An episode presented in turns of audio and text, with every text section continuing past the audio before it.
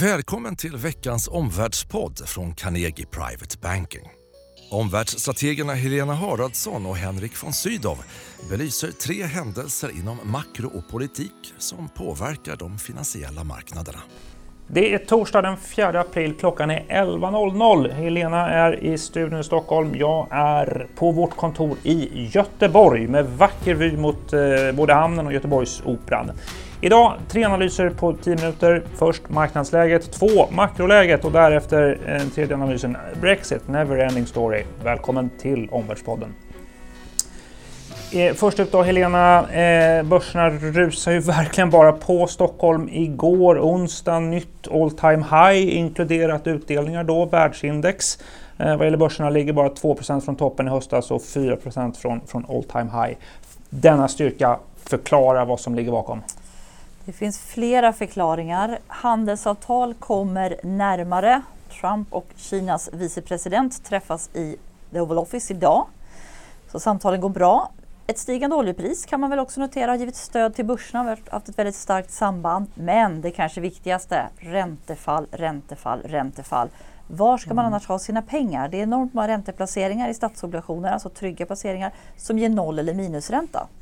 Sverige mm. ligger vi på 0,2, Tyskland minus eller nära noll.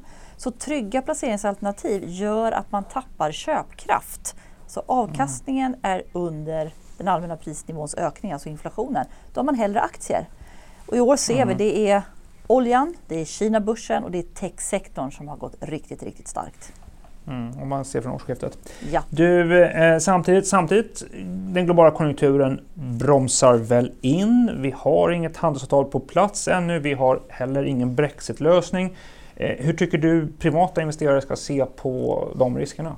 Ja, det är helt rätt Henrik. Vi har ju i tidigare poddar och analyser talat om tre skäl till att vara lite försiktig till börsen då efter den här starka uppgången. Och det har ju varit konjunkturen har toppat, centralbankernas stimulanser har toppat och sen det här onormalt höga riskläget. Och alla de här tre faktorerna gäller fortfarande, men kanske lite mindre omfattning. Vi har ju sett hur mm. centralbankerna har då skjutit penningpolitiska åtstramningar som räntehöjningar och annat ytterligare på framtiden. Mm. Vi har också sett att sannolikheten för kanske att Brexit kan få längre tidsfrist har ökat och att handelsavtalet närmar sig.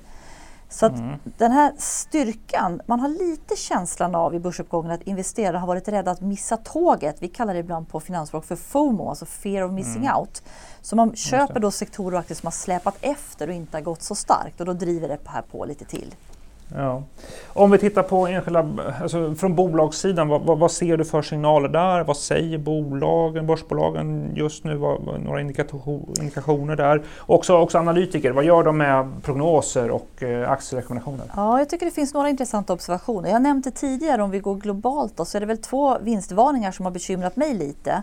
Och det är dels det Fedex, det globala transportbolaget då, som för andra gången på tre månader vinstvarnade. Och historiskt har man sett dem som en väldigt bra temperaturmätare på fart och takt i världsekonomin.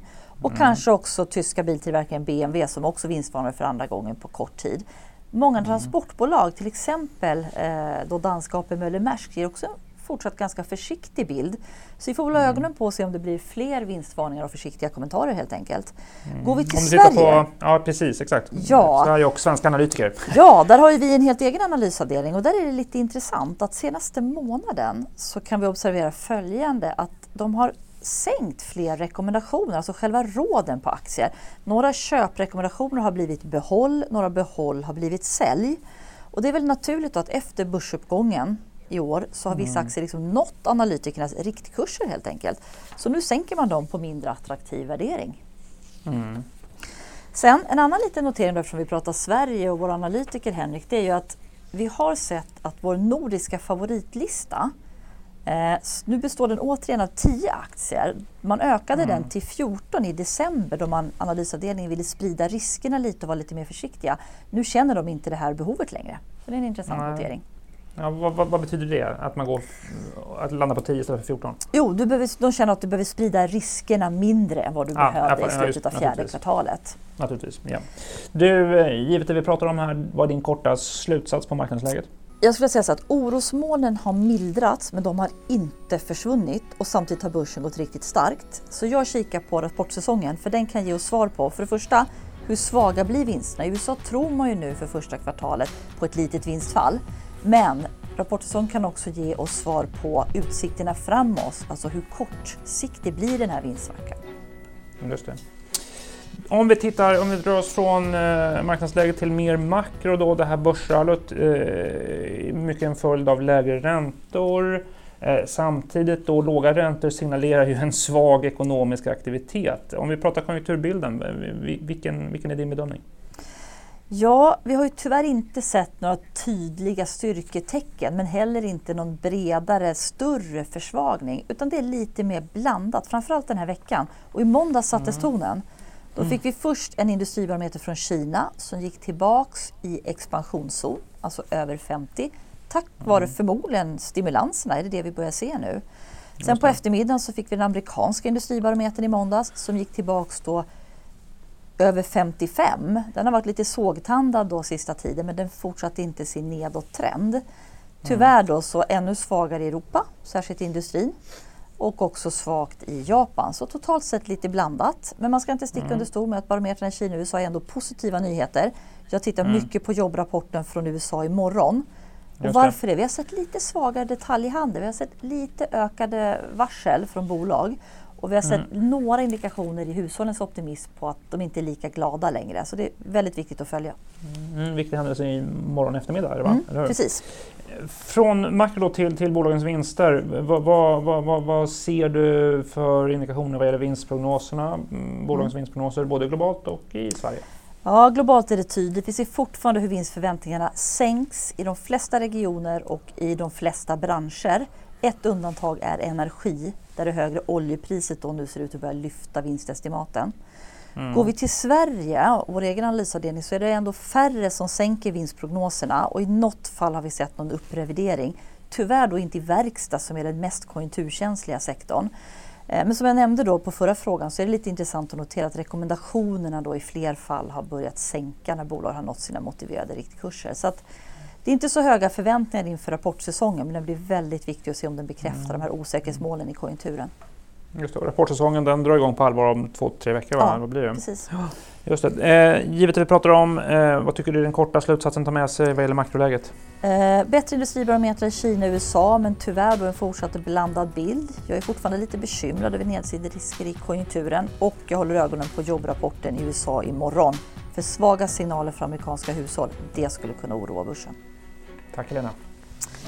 Ja, tredje och sista frågan Henrik då, över till Brexit. Nu har det varit 12 omröstningar i det brittiska parlamentet och ändå ingen lösning, snarare bara mer låsningar. Vad väntar oss framåt Henrik? Ja, nu tickar klockan ner mot eh, den 12 april. Det är datumet att hålla koll på. Tills dess så måste, måste Storbritannien antingen rösta för ett utträdesavtal eller ha då en trovärdig plan framåt för hur utträdet ska hanteras. Annars så pekar det, ja, då pekar det mot ett avtalslöst utträde just det datumet.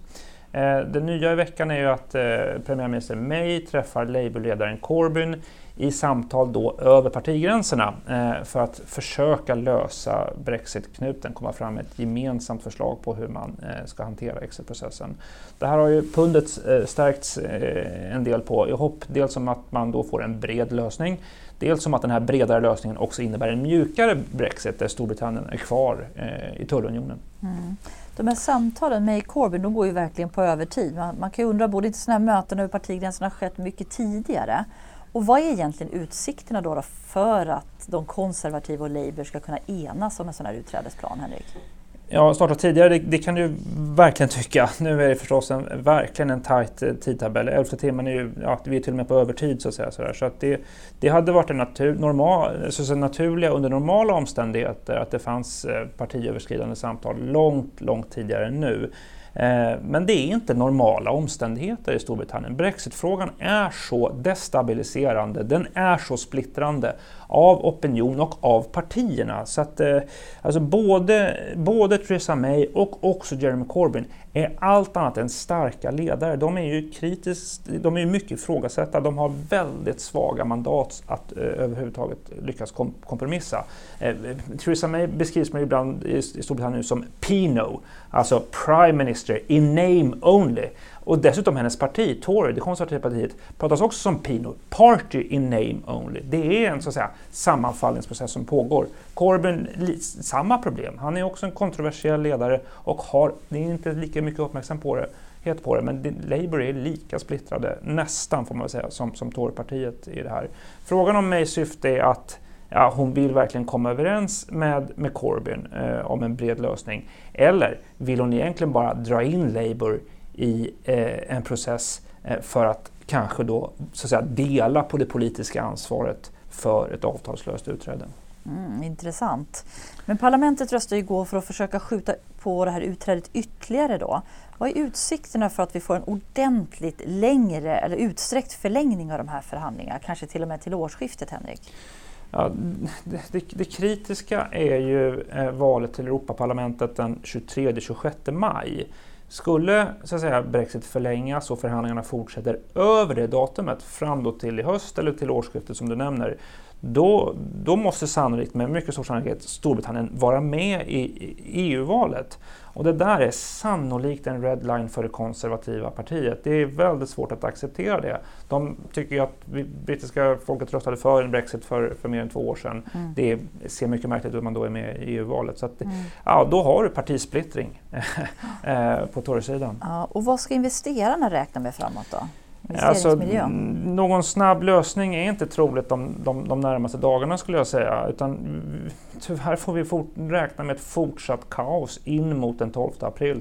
Det kommer vara fortsatt eh, volatilitet på mm. valutamarknaden och för pundet. Då. På den korta slutsatsen då Henrik, rent Brexit-frågan? Ja, vi, vi, hade ju verkligen hoppats att den här frågan skulle varit löst under Q1. Nu har vi den med oss in eh, också i Q2 och, och, en bit framåt. Alltså. Och det gör att Brexit är en utestående turbulensfaktor för eh, eh, finansmarknaderna. Eh, det är den fortsatt stora omvärldsfrågan tillsammans med, med handelssamtalen USA-Kina. Dagens tre slutsatser avslutningsvis. Den första, analytiker ser fler bolag som nått sin riktkurs och rekommendationer sänks. Två, det är blandade signaler från Industribarometer. Det är hoppfullt att det är bättre i Kina och USA. Vi får se om det fortsätter. Tre, Brexit, alltjämt en turbulensfaktor som vi tar med oss in i Q2 och mer kaos att vänta inför 12 april. Och ikväll eh, 17.30 på restaurang Space 62 här i Göteborg så arrangerar vi Carnegie efter börsen. Det är ju vår mötesplats för investerare och entreprenörer. På scen har vi bland annat Olof Kato, VD för Stena-arvtagarnas nystartade investmentbolag eh, Formica Capital. Eh, plus också vår aktiechef David Karlsson som listar aktier vi gillar. Och nästa torsdag, då är det ett nytt avsnitt eh, av Omvärldspodden. Välkommen att lyssna då också. Tack för idag. Tack för att du har lyssnat på Omvärldspodden från Carnegie Private Banking. Vill du veta mer om vad som händer i vår omvärld och få aktuella idéer till affärer? Gå då in på www.carnegie.se veckans viktigaste och prenumerera på vårt nyhetsbrev.